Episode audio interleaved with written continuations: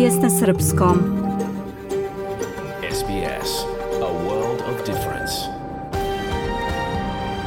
You're with SBS Serbian on mobile, online and on radio.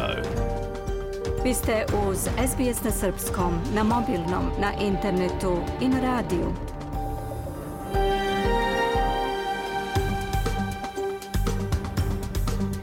SBS odaje priznanje tradicionalnim vlasnicima zemlje sa koje danas emitujemo program na srpskom jeziku.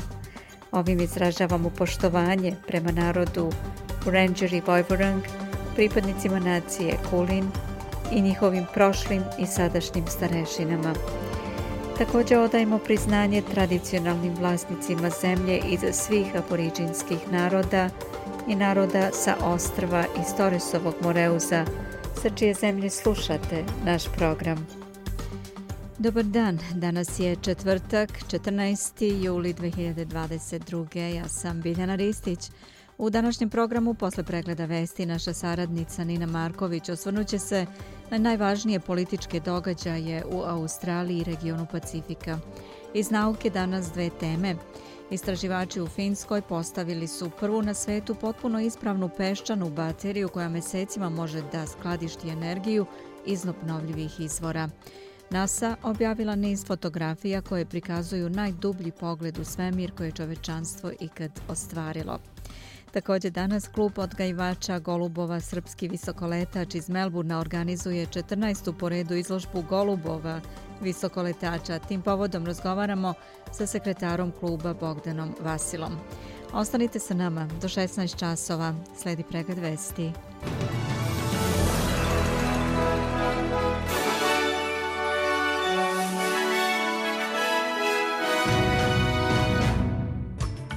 Australijski premijer Anthony Albanese uveren da neće biti kineskih baza na Solomonovim ostrvima.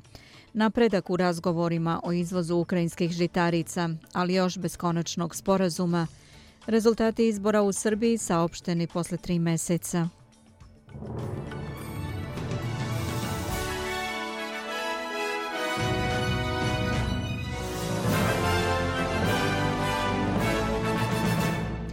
Blok vesti iz Australije pripremila je Nataša Kampmark. Izvoli, Nataša. Australijski premijer Anthony Albanese rekao je da je snažno uveren da neće biti kineskih baza na Solomonovim ostrvima, uprkos bezbednostnom sporazumu potpisanom između dve zemlje. Gospodin Albanizi je to komentarisao sa Fidžija, gde prisustvuje forumu Pacifičkih ostrva u pokušaju da resetuje odnose sa pacifičkim susedima tako što će predstaviti veće ambicije po pitanju klimatskih promjena i zatražiti da Australija ostane izabrani bezbednostni partner regiona, a ne Kina. Gospodin Albanizi se juče sastao sa premijerom Solomonovih ostrva Manasehom Sogavareom da razgovaraju o bezbednosti u regionu i klimatskim promenama.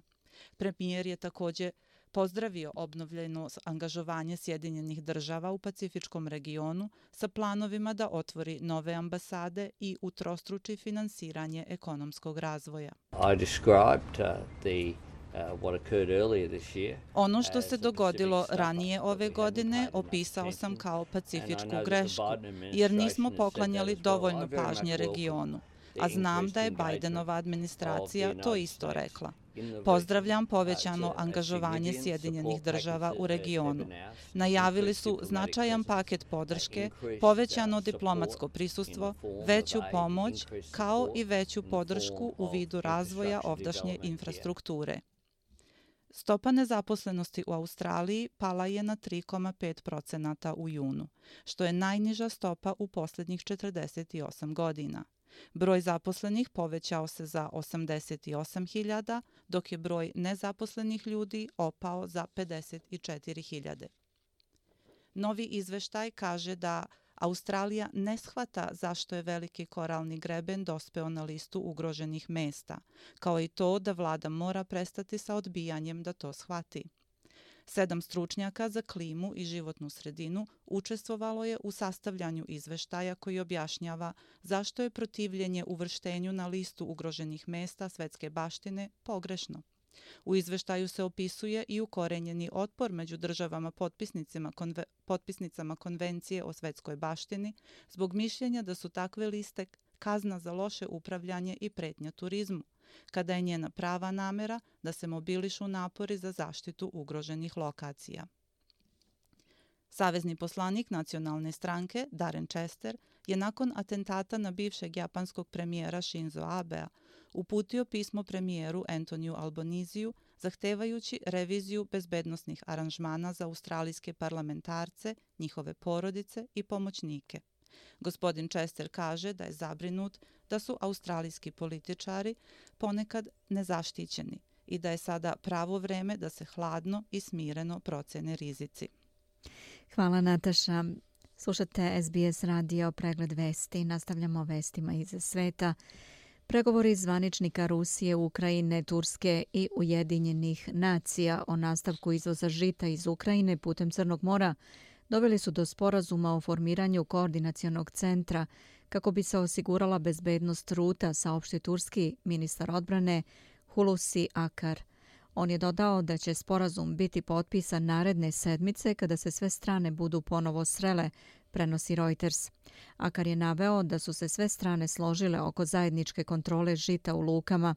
Nova runda pregovora Rusije, Ukrajine, Turske i Ujedinjenih nacija o izvozu ukrajinskog žita održana je juče u Istanbulu. Više od 9 miliona ljudi napustilo je Ukrajinu otkako je Rusija izvršila invaziju na tu zemlju, saopšteno iz Agencije za izbeglice UNHCR. Istovremeno, Visoki komisarijat Organizacije Ujedinjenih nacija za ljudska prava saopštio je da je više od 5000 civila ubijeno u Ukrajini od početka rata 24. februara. Rat u Ukrajini ušao je u 141. dan. Ukrajinske vlasti potvrdile su u utorak da su njihove snage gađale rusko skladište municije Novaja Kahovki na jugu Ukrajine, koja je pod kontrolom ruskih snaga.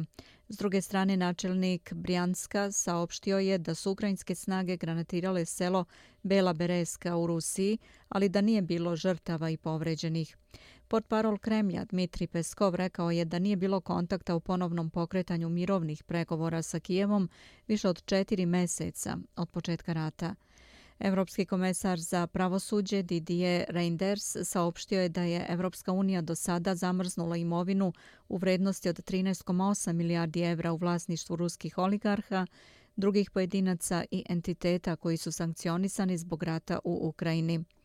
Ukrajina je inače odlučila da prekine diplomatske odnose sa Severnom Korejom nakon što je Pyongyang priznao samoproglašene Donjecku i Lugansku narodnu republiku, saopštilo je Ukrajinsko ministarstvo spoljnih poslova.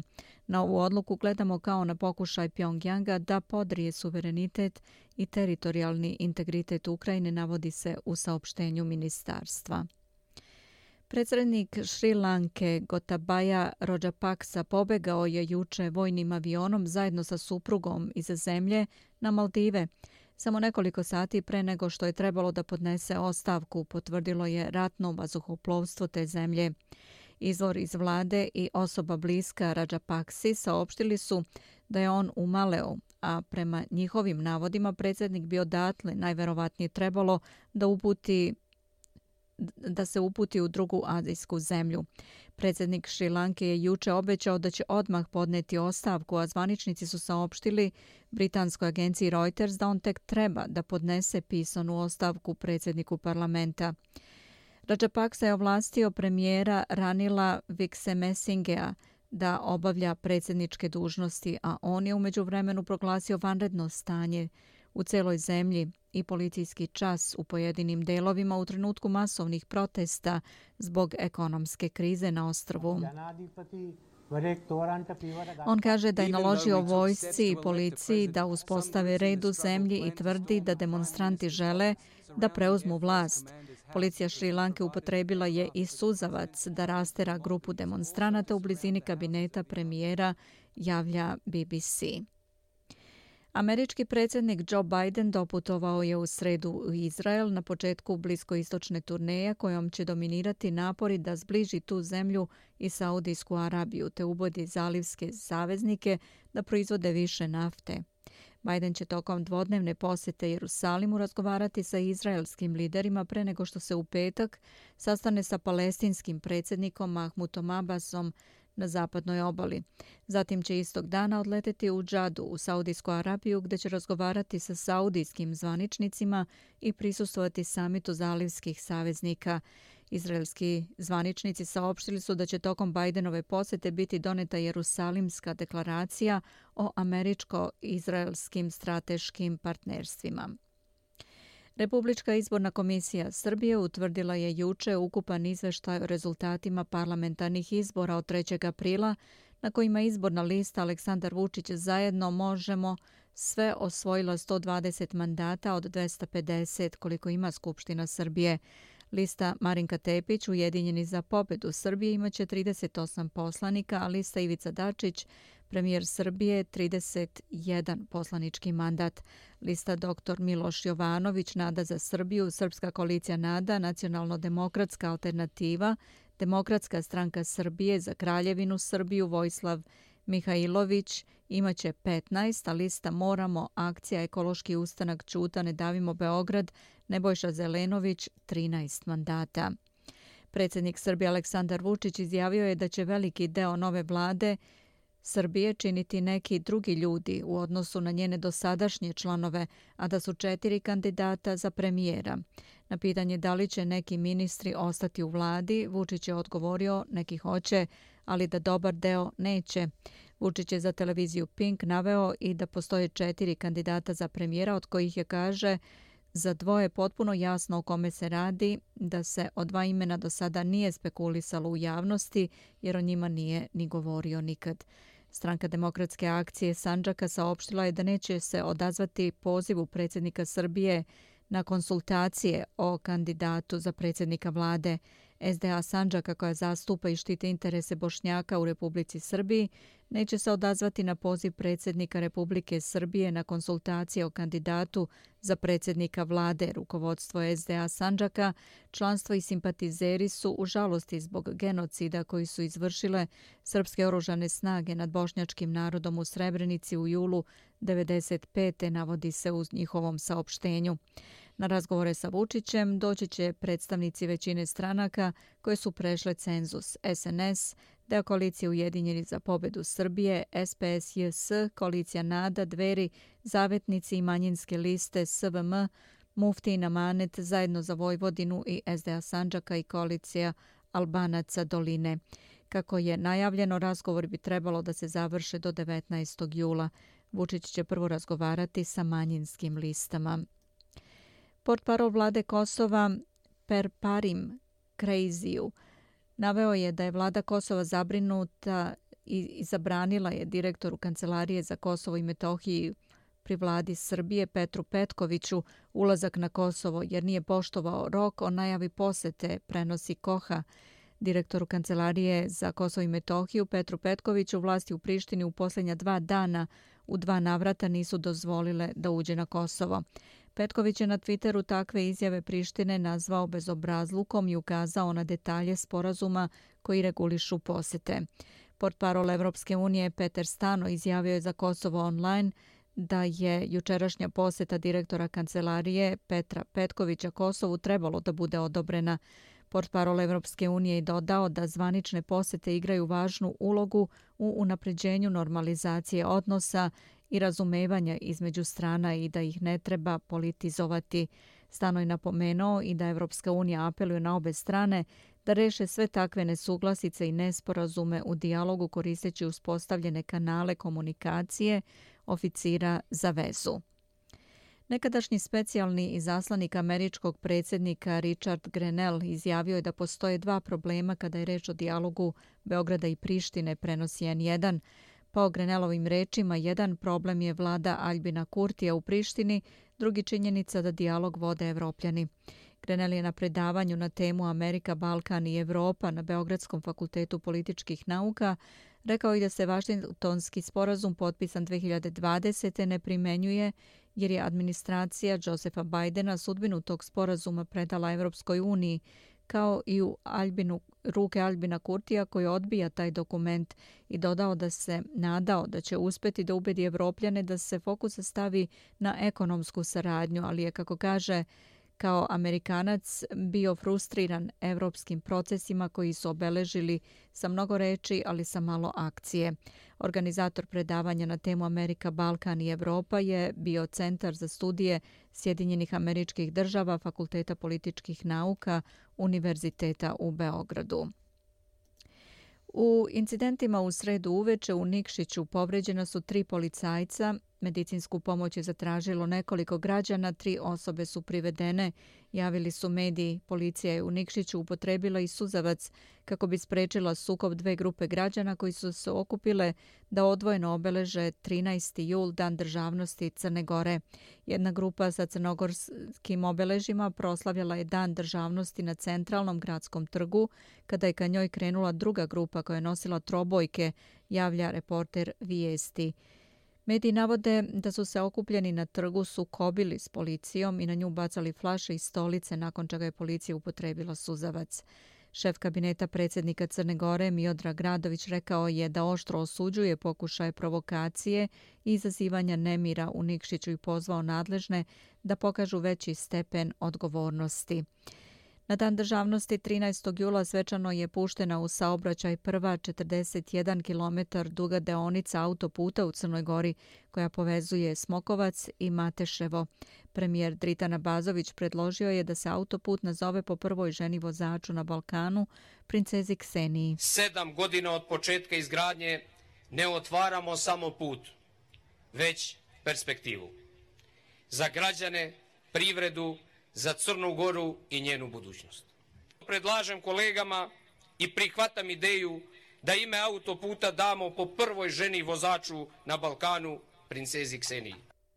Nacionalna aviokompanija Air Srbija donela je odluku da proširi svoju širokorutnu flotu još jednom letelicom tipa Airbus A330, izjavio je generalni direktor te kompanije Jerži Merkel i dodao da od oktobra kompanija počinje da leti za Kinu, a od sljedećeg proleća i za Chicago uz dodatno iznamljivanje još jednog Airbusa.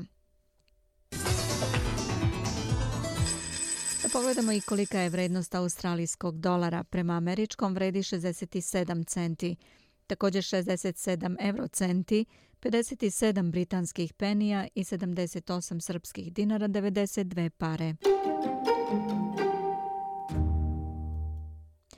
I da pogledamo i vremensku prognozu za danas. U Pertu postepeni prestanak padavina 20 stepeni. Mestimično oblačno je u Adelaidu 15, također u Melbourneu 15, Hobart također mestimično oblačno sa 13, sunčano u Gaberi 11, sunčano i u Sidneju sa 16 stepeni, Brisbane pretežno sunčano 21 i u Darwinu sunčano 28. Beograd danas sunčan i vrlo topao dan do 33 stepena.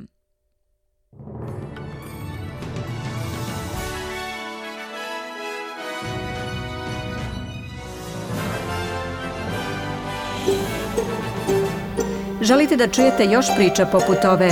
Slušajte nas na Apple Podcast, Google Podcast, Spotify ili odakle god slušate podcast.